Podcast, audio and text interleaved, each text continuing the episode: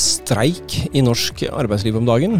Det genererer spørsmål til oss om rett til fri fra jobb i den forbindelse. Hva skjer egentlig når en ansatt slutter og ikke har avviklet ferie? Hvilke rettigheter har man da? Hva skal utbetales eh, i sluttoppgjør når det gjelder eh, feriedager som ikke er avviklet? Eh, så sitter vi her i studio fire stykker i dag, alle med ett sett briller på.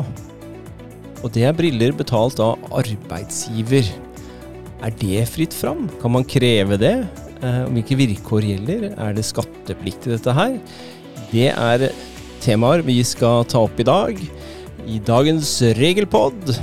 Eh, ønsker alle hjertelig velkommen til det. Det er det faste medlemmer i studio.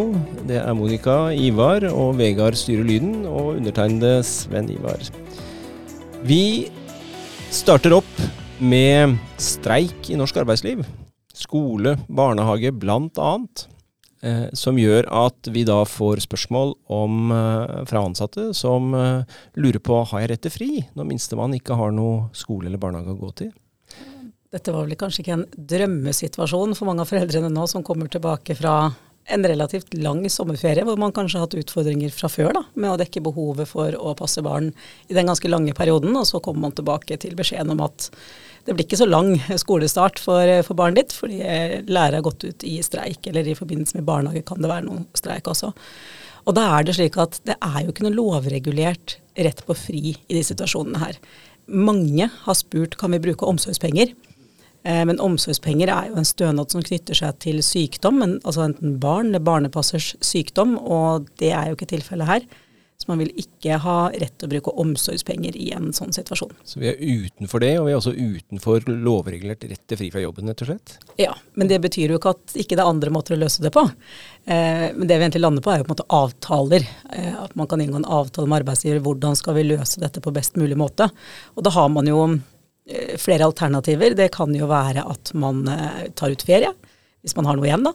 Man kan jo ta forskuddsferie, altså at man tar noe av neste års ferie i år. Det er jo en mulighet. Kanskje ikke en ønskesituasjon for mange deler, men man har jo muligheten til det. Det fordrer enighet med arbeidsgiver her også? Ja, med mindre man er eh, 60 år eller eldre og har ekstra ferie pga. alder. For den ekstra ferien pga. den ekstra uka, den styrer man jo over selv. Men all den øvrige ferien er det jo arbeidsgiver eh, som mm. kontrollerer, som har styringsretten på. Så er det jo to ukers varselfrist for disse over 60 åra, bare for å nevne det. da. Mm. Men, uh, men ja, avspasering er jo et tema. Har man opparbeide timer, kan man bruke det? Ja, Det er også mulig, men det avhenger av den avtalen man har om avspasering. Det kan jo være at uh, man har en avtale som gjør at arbeidstakeren styrer den selv, men stort sett så er jo avspasering noe også som man blir enige om, da. Um, man kan jo også avtale permisjon, altså at man har uh, fri, enten med eller uten lønn. Jeg vil vel tro for de fleste så er det kanskje aktuelt uten lønn da, i den situasjonen her. Og så har vi jo noen som løser det på annen måte. Vi ser jo noen arbeidsgivere ordne barnepass eh, for arbeidstakerne, for det er kanskje flere som er berørt. Så ordner de barnepass på, i virksomheten. Eh, og da løser man det jo på den måten. Og så har man noen som tillater at man tar de med på jobb. Men da må man jo tenke litt hva slags jobb har man. Altså Sitter man på kontor, så er det relativt risikofritt å ta med barnet ditt. Eh, men hvis man har et eh, yrke da, som kan utføre en form for sikkerhetsfare, eh, så er kanskje ikke det det mest fornuftige arbeidsplassen å ta med barnet på. Det må man tenke på sikkerhet i forhold til barnet som eventuelt får lov til å være med på jobb. Så får vi jo nevne det som er vanlig for mange, da, som har mulighet til hjemmekontor. Da løser jo mm. dette seg elegant. Så kanskje en tommel opp for hjemmekontorordningen der. Ja, for de som har den muligheten, så er jo det et, et godt alternativ, tenker jeg. Og det har jo vært godt utprøvd nå eh, de siste årene, og fungerer veldig fint for noen. Veldig bra. Kort oppsummert, ikke noe lovbestemt krav på fri, ikke krav på lønn fra arbeidsgiver. Finn løsninger. Og vår, vår, erfaring er vel at dette løser seg i praksis eh, i, rundt i de norske virksomheter. Det bringer oss over til eh, ansatte som slutter og som kanskje har feriedager til gode, Ivar. Og som igjen reiser en masse spørsmål rundt uh, hva skal utbetales for disse dagene, eller skal det utbetales? Uh, når, hvordan, med hvilke beløp? Hva, hva, kan vi, hva, kan vi, si der? Ja, Hvorfor gjøre ting vanskelig når det egentlig er enkelt? Ja. Jeg vil si det sånn. Uh, kanskje vi skulle sagt, starte litt med da, at når noen slutter, og ikke ønsker å ta ut ferie. Mm. Altså ferie i oppsigelsestid, og da tenker jeg spesielt når ansatte sier opp sjøl. Kan ikke du bare ta to setninger der, for det får vi også litt spørsmål om. Ja, Det er jo særregler til ferieloven, dette her med at man kan kreve og ikke kreve eh, ferie i oppsigelsestida si. Eh, og, og, der ligger det bra med artikler ute på Community, tenker jeg, som man kan titte på rundt akkurat det. Eh, og så er det jo òg sånn at når sånn som denne situasjonen er nå, da, når et arbeidsforhold opphører, så skal det jo da i utgangspunktet etter ferieloven eh, utbetales et sluttoppgjør i den sammenheng òg. Og der skal jo også ferielovens 11 nummer 3 si jo at eh, da skal man på en måte få ut de feriepengene man har til gode, både opptjent i år, og eventuelt det man har til gode fra i fjor, knytta til opptjente eh, dager fra i fjor som man har overført. Ja, det som standardspørsmålet som vi pleier å få, da, og det har vært i, i alle år jeg kan huske, og det er en ansatt som slutter, og så sier han at du, jeg har avvikla bare ukeferie, så jeg skal jo betalt for de fire ukene som jeg ikke har avvikla. Ja. Og ja, Uh, hva, hva, sier vi til den type arbeidstakere? jeg pleier å si, uh, litt på engelsk nå, 'look to June'. Hva skjedde i juni? Ja, Feriepengekjøringa. Eller mai for de som har det i mai. Uh, vi kan vel bare slå fast at når det gjelder timelønte, så er det ikke noen utfordring. Nei. Timelønte får betalt for timelister og opptjente feriepenger fra året før. Så dette er jo en, en sak i forhold til månedslønte. Og så tenker vi som så at jaha, uh, dette er en person som jobber ut april. Uh, hadde en uke høstferie, lønnen har gått som vanlig. Og så sier han det i forbindelse med sluttoppgjøret mitt nå, så regner jeg med at jeg får fire uker lønn for ikke avvikla ferie. Mm. Um, da begynner det å skurre i mitt hue, ikke sant? Ja, ante meg det. Ikke sant? Fordi da har du sagt se til juni, hvis vi oversetter det norsk. Uh, og vi har ikke kommet til juni ennå. Så for å si dette her veldig enkelt. De som har fastlønn, mm. og som slutter, da må du tenke har vi tatt feriepengeoppgjøret enda? Eh, det er normalt i juni, hvor du utbetaler alle feriepenger, og så holder igjen lønn f.eks. For, for fem uker. Så en som slutter da før feriepengeoppgjøret er gjort, har jo ikke noe lønn til gode. Og mitt eksempel, da, med jeg jobber ut april og har hatt én uke ferie, eh, vinterferie, den personen skylder jo én uke lønn. Han skal jo trekkes én uke lønn i forbindelse med sluttoppgjøret sitt. For det ble jo ikke gjort når, når, når uh, vedkommende hadde vinterferien. Så da fikk man forskudd, vanlig månedslønn, og dermed så betalte arbeidsgiver også fra ei uke som man hadde ferie i den måneden. Ikke sant. Og så har vi varianten da som um, slutter da etter sommerferien, etter at ferie er avvikla kanskje, noe av ferien. Men som du sier, ferien, uh, feriepengeoppgjøret har skjedd allerede.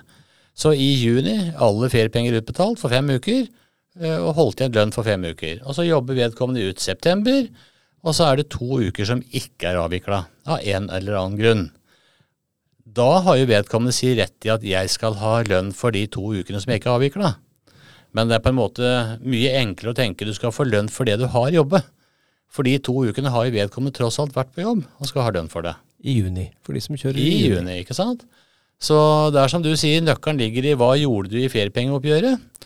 Eh, hvis du der ikke trakk for fem uker, la oss si du betalte ut ordinær lønn, da, eh, og du betalte ut feriepenger, altså begge deler, eh, da må du trekke i lønn etter hvert som ferien avvikles.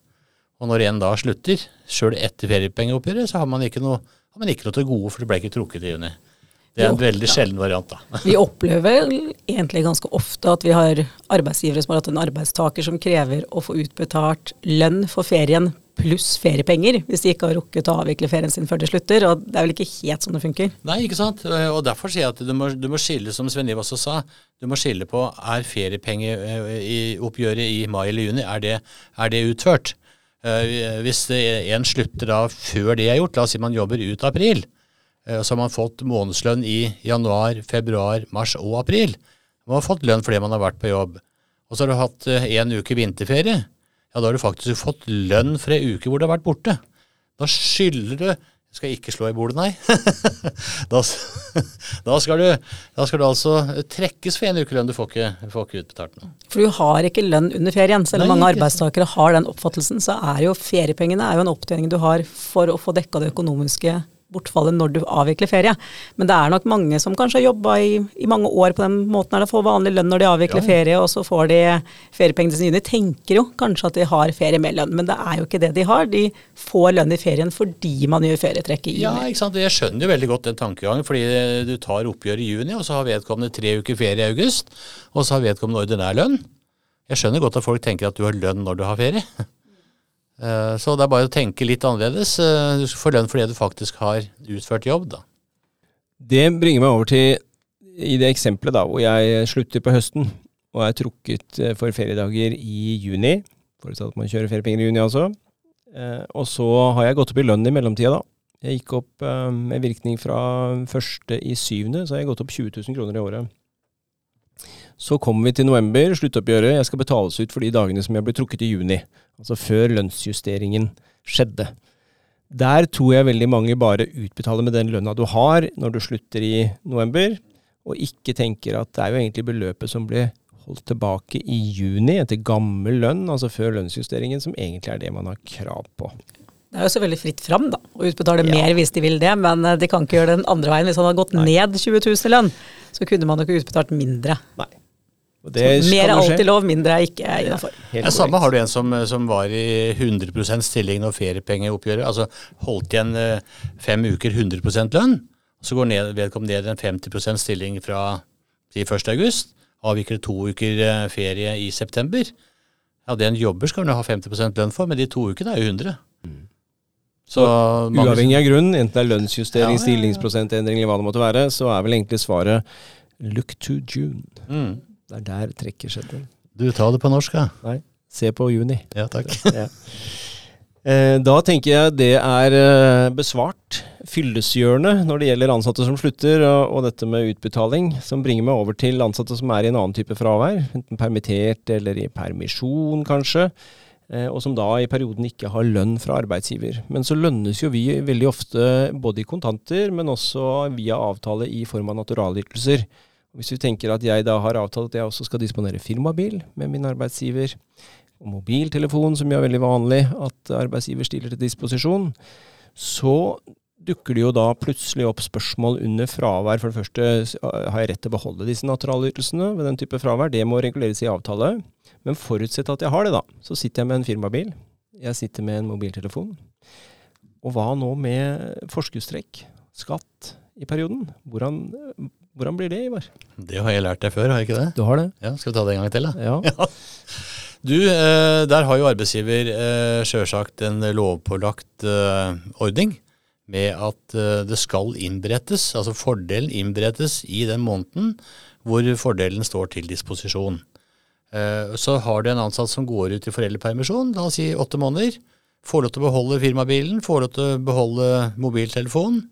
Arbeidsgiver har jo kostnadene på det. Får utbetalt foreldrepengene fra Nav. Det er jo snakk om at eh, arbeidsgiver betaler ikke ut noe penger. Da er det jo ikke noe forskuddstrekk å trekke, som du sier. Og da har arbeidsgiver plikt til å gi beskjed til skatteetaten om at her er det naturalytelser, men det er ikke kontante midler å trekke forskuddstrekk i. Eh, det er ikke laget noe eget skjema eh, eller måte å, å innberette det på. Eh, så den vanlige fordelen på firmabil, eller altså naturalis, det løper som vanlig i avmeldingene. Men det er jo ikke noe forskriftstrekk der, for det er ikke noe lønn. Så må arbeidsgiver gi beskjed til skatteetaten på et skjema som heter RF 1306. Det er sånn kontaktskjema fra arbeidsgiver og til, til skatteetaten. Og da er det navn, eh, fødselsnummer eh, til eh, den personen det gjelder, og hva slags type ytelse og verdi, og at man da ikke har midler til å trekke forskuddstrekk i. Så vil skatteetaten gjøre en vurdering om de f.eks. skriver ut et nytt skattekort, mm. slik at Nav trekker mer, eller om de skriver ut forskuddsskatt til en, en ordinær skattyter. Det kan også hende. Hvis dette f.eks. kun hadde vært fri mobiltelefon, 366 kroner som da ligger fast per måned, fra arbeidsgivers abonnement, det tror jeg ikke skatteetaten hadde brydd seg noe med. Da kunne det blitt en bitte liten baksmell neste år. Da. Ja. Så det skal nok litt opp i verdier før de gjør noe med det. Men som eh, arbeidsgiver har du plikt til å eh, informere, og da er det RF 1306-skjema som ligger på skatteetaten.no. Er det noe tema knytta til arbeidsgiveravgift rundt dette? da? Ja, eh, verdien av naturalytelsen skal jo være med, og da mhm. skal det også beregnes arbeidsgiveravgift på helt vanlig måte. Så det eneste som man ikke får gjort, det er forskuddstrekket. Veldig bra. Takk. Opplysende. Så starta jeg denne poden med å si at vi satt her fire personer, alle med briller. Det er mulig det har noe med alder å gjøre, men altså vi trenger briller for å fungere. Og vår arbeidsdag består jo i stor grad av å sitte foran en skjerm. Eh, og derfor så trenger vi disse brillene, da. Og så er jo spørsmålet Databrille, Bare, terminalbrille. bare for å bryte det av med en Ja. gang, fordi dette har ingenting med alder å gjøre. Nei. Eh, og siden du skal snakke om databriller, så må vi i hvert fall ikke snakke om alder, Nei, tenker jeg. Akkurat. Eller Nei, det var det, da. Men med meg så hang det litt sammen. Jeg måtte ha briller etter hvert som jeg blei litt eldre. Du har ikke en Vegard mikrofon, da, så da får ikke han vært med. Men Nei, og det er helt bevisst. Ja, han er helt enig her i forhold til alder, i hvert fall. ja, Bob, Bob. Men når vi snakker om en databrille, da, så er det, eller en terminalbrille som, som det også kalles, så snakker man jo gjerne om en briller som da i utgangspunktet kun skal brukes for arbeid foran en dataskjerm. Eh, og som regel så sier de som kan noe om dette her, at det handler normalt om en enstyrkebrille, altså ikke en progressiv brille. Som du kan bruke normalt til eh, daglig i andre settinger også. Den faller egentlig utenfor disse databrillereglene som vi nå skal gå litt nærmere inn i. Som hovedregel, vel å merke. Det kan hende du har en arbeidssituasjon som gjør at du trenger en progressiv brille, både foran skjerm eller og du skal se på dokumenter og sånn eh, samtidig. Så kan det godt være at du får godkjent dette også som en databrille, da, med de fordeler det har.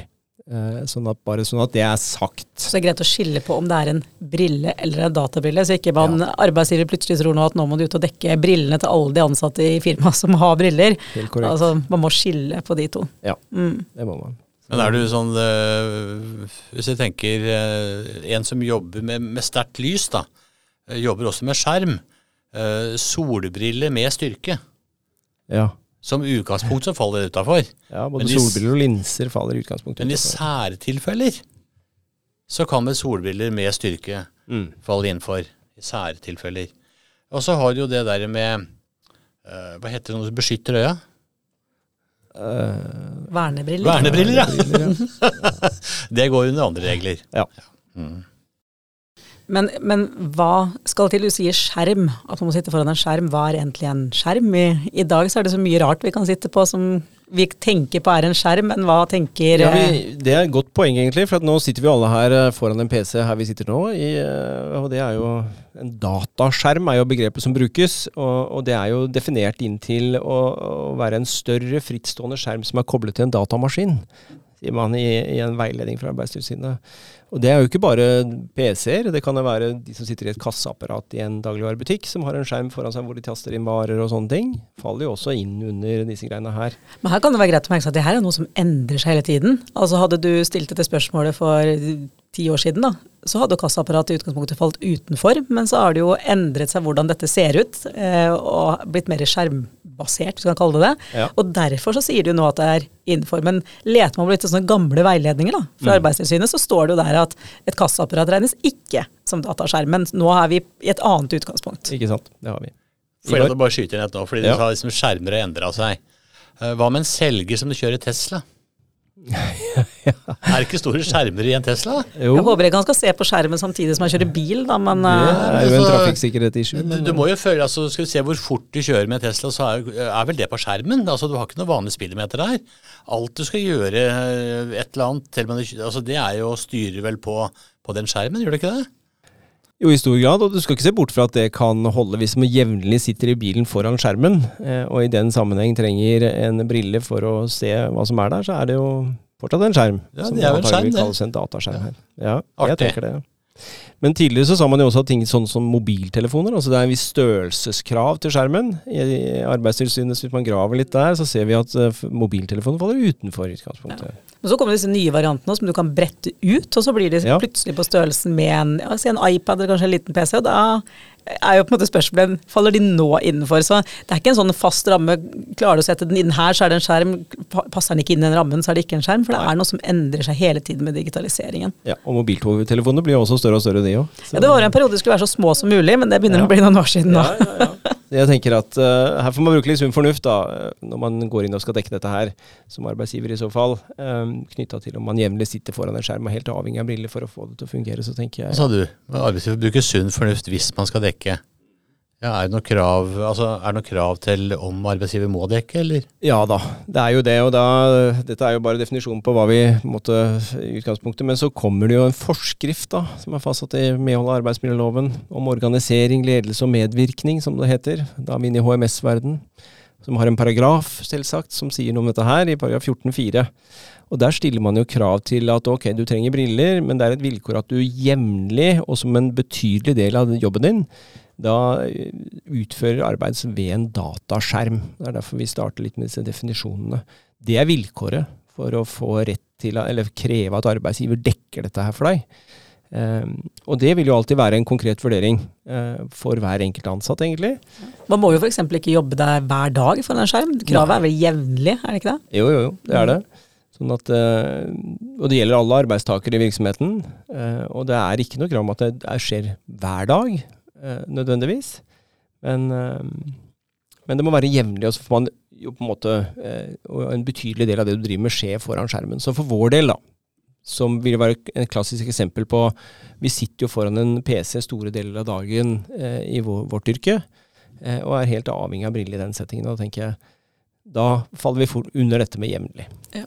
Men jeg tenker på det med databriller. Altså Én ting er at når du vet du har behovet for databriller, og du kanskje vet styrken du trenger på det, men dette er jo ikke noe du bestemmer selv eller finner ut av selv. Det er vel gjerne noen du går til for å få hjelp med dette her. Ja. Hvordan er det med synsundersøkelsen da? Er det også noe som faller inn under arbeidsgivers plikt? Det gjør den. Og jeg tenker at eh, De fleste av oss vil jo føle litt på at vi begynner å se litt dårlig, eh, og at vi kanskje da eh, trenger ei brille. Og da går vi jo gjerne til en optiker for å få sjekka synet, og tar en såkalt synsundersøkelse. Eh, og det skal du selvsagt da ha tilbud eh, fra arbeidsgiver om å gjøre. En øyeundersøkelse og synsprøve. Og så eh, Og det skal du på en måte Det her tror jeg man sier noe sånt som at det skal du få før du begynner arbeid ved dataskjerm i utgangspunktet, og deretter med jevne mellomrom, altså nødvendig jevne mellomrom, for synet endrer seg jo. Og her legger man jo arbeidstakerens behov til grunn i stor grad, i forhold til hyppigheten av det. Eh, og dersom eh, man på en måte får synsproblemer som kan skyldes arbeidet ved at man sitter foran en dataskjerm er eh, et poeng. Ja, jeg tenker Det er jo ikke bare at man kanskje ser litt dårlig, men det er hodepine. Gjentagende hodepine. Oftere enn før. Sliten. også sånn at, at, du har behov for synskorrigering, så du skal slippe det. Så det er ikke bare at den ser dårlig, men at den faktisk fysisk blir dårlig. Ja. Så kostnadene til det må da altså arbeidsgiver dekke. Men det vi ja. ser av og til, det er jo at man tar en slik synsundersøkelse, sånn vanlig vi skal kalle det, da. Mm. Eh, og så kommer det noen resultater derfra som gjør at man blir sendt til en spesialist. Mm. Og hva da? Ja, Hvis det går via en optiker, og du må til en spesialist for videre utførelse, så også, faller det også inn under disse reglene. Sånn at du får en, en riktig brille tilpassa dine behov. og Det er også noe arbeidsgiver i utgangspunktet må dekke her. Ja. Kan man sette noen beløpsgrense da, på vi dekker opp til 1000 eller 2000, eller er det Ja, hvis du, Nå tenker du hvis du fortsatt snakker synsundersøkelse, nei, så er det mm. ikke et, mm. ikke et makstak på det. Nei, så det er det, det, er det, behov, det er det, beløpet som er nødvendig, rett og slett. Ja. ja. Mm. For det, det, er vel litt annerledes, er det ikke, når vi kommer til databrillen? Da, er, da har vi et litt annet utgangspunkt på, på, deler av den, i hvert fall. Ja, det er helt korrekt. Og da på en måte flytter vi oss fra at denne undersøkelsen viser at du trenger korrigerende synshjelpemidler, og, og, da blir det en brille, da. Og da er det jo spørsmål om En brille består både av glass, og den består av en innfatning. Eh, også her er utgangspunktet at her skal du på en måte ha det som er nødvendig, som man bruker. Altså et fint skjønnsmessig begrep nok en gang. Og da er det ikke sånn at vi uten videre kan sette noe tak på denne utgiften når det gjelder glass som skal inn i, i brillen. Men vi kan gjøre det i, eh, på innfatningsbiten. Så kan vi gjerne operere med eh, et beløp som en makstak. Fordi det, man vet benchmark sånn cirka hva en innfatning kan koste. Mellom 1000 og 1500 kroner er f.eks. en vanlig greie at man setter eh, som et beløp på innfatningen. Og så man, vil man ha noe ut over det, så må man dekke det selv. Ja. Det samme gjelder vel til en viss grad på, på, glass og den type ting også. Altså, så lenge man får den dekket den kostnaden som er nødvendig. Altså ja. Hvis man sier at jeg har lyst på disse typen glass isteden fordi jeg synes de er finere, eller altså en annen løsning som er dyrere, men som ikke er nødvendig, da har man vel muligheten til å si stopp. Det kan du, og det er klart, da går du utover det som på en måte eh, ligger der som nødvendig også. Men det er ikke vanlig å operere med noe gitt beløp, egentlig, på glassbiten. Eh, fordi det svinger litt? Grann. Ja, det er jo vanskelig, fordi behovet til A og B kan jo være helt forskjellig, mens innfatningen kan jo være den samme ja. på ulike typer glass, ulike typer mm. ja, montering, den type utgifter som ligger til det. da. Ja. Men det er liksom greit å få med seg at det, man kan ikke velge den dyreste løsningen på glassene f.eks. hvis en rimelig alternativ da gir det Samme resultat. Det typiske er at du gjerne vil ha tynnere glass i brillen for at den skal bli lettere, f.eks. Mens du får mye billigere glass som kanskje er litt tjukkere. Eh, og så kan det være fristende å få et par litt sånn fancy, tynne brilleglass osv., men det koster jo kanskje det dobbelte. Og da er du antagelig utenfor det som er nødvendig, for du vil kunne se med de som er litt tjukkere også. Men Ivar, hva hvis man dekker briller for noen som ikke trenger databriller, da? Slipper man unna skatt på det, eller er det sånn at man, da må man beskattes for den utgiften? Jeg føler vel at uh, måten du stilte spørsmålet på, du skjønte kanskje sjøl, at her slipper du ikke unna. Kan hende jeg visste løsningen fra før, ja. Nei, altså her uh, sånn skatteregler i forhold til det med databriller, eller hva du vil kalle det, uh, så sier det skal jo være godtgjort av, av øyelege eller optiker da, at det er behov for det. Det er liksom trinn én. Uh, trinn to så er det nødvendig uh, korrigerende synsmiddel, altså glasset. Og hvis du da vil ha mer fancy glass enn det som faktisk er nødvendig, så vil det være pliktig. Skattepliktig, altså. Mm. Og så sier man at uh, innfatningen skal være rimelig. Men det står jo, altså du kan leite opp og ned skatte-ABC, men det står jo ikke noe sted hva er rimelig. og da blir det egentlig en Hva er rimelig glass hvis du går til en optiker og spør, da? Liksom, hva, hva, koster det? Mm. Og da kan du som arbeidsgiver uh, sette begrensning på si glasset, som dere var innom. Uh, og så er jo spørsmålet hvis du, hvis du er litt utover det som er rimelig, vil det være skattepliktig? Ja, Hvis du virkelig tår til og, og tar noen sånne merker, jeg veit ikke hva de heter, Dolce Gabbana eller noe sånt, nei, Banan? Whatever. Ja ja, spiller ingen rolle. Men i hvert fall uh, noen sånne merkebriller, da, det, det vil jo klart være pliktig. Sa jeg feil? Nei, nei. Jeg ser du bare Du, du har vel briller fra Biltema? Ikke? Dette her er Nille 35 kroner. Ja, altså. det er absolutt rimelig. vil Ja, ikke sant. Hvordan er det med synsundersøkelsen, da? Det har jo en kostnad, ennå? nå? Ja, men det faller også innenfor det samme regelverket. Så lenge du har bilag på det, og så lenge det er da nødvendig. Men øh, hva skjer hvis du tar en synsundersøkelse, du får regning på den, og så viser det at nei, du trenger ikke databriller? Kan du kreve å få det refundert fra arbeidsgiver da, eller? Det jeg skal si, si, tilbake at det høres ut som du vet svaret på dette allerede, så da kan du få lov til å briljere. Det skattemessig vet jeg i hvert fall, men om du kan kreve det. Eh, det er en grunn til at du skal ta en synsundersøkelse. Det ligger i bånn. Kanskje du eh, jobber lenge ved datamaskin, du har vondt i huet, eh, og det er naturlig å tenke at det er en sammenheng her, så selvfølgelig kan du kreve det. Og om du ikke har behov for databriller, så er jo heller ikke noe skattepliktig, da. Det er ikke skattepliktig, sa du, selv om du ikke faller under vilkårene? Nei. Nei, altså i forhold til uh, Hvis det viser seg at du, du, uh, du, jobber mye ved datamaskin, eller en skjerm, da. Uh, om du kjører Tesla eller sitter i kassa på Rema, eller vanlig PC som vi har, laptop. og så begynner du å få mye hodepine, går til arbeidsgiver og sier du, jeg lurer på kanskje jeg trenger briller, altså.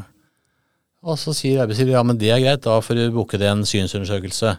Eller kan arbeidsgiver si nei, det får du ikke lov til? Det må være det første spørsmålet.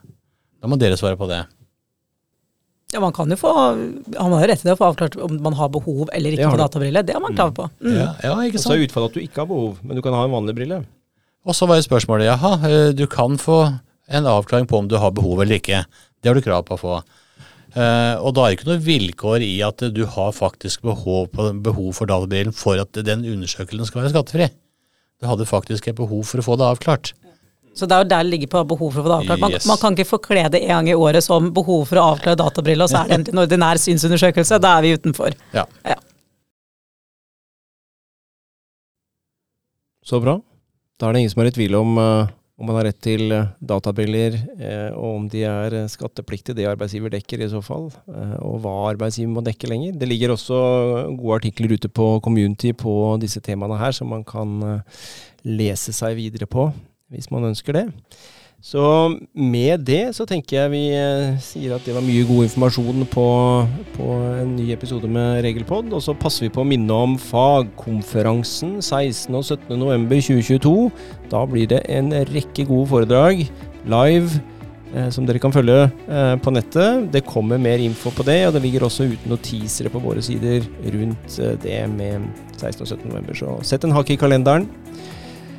Med det så takker vi alle lytterne våre for uh, denne runden, og så høres vi igjen. Og ikke minst takk til Vegard, for dette var første runde i nytt podkaststudio.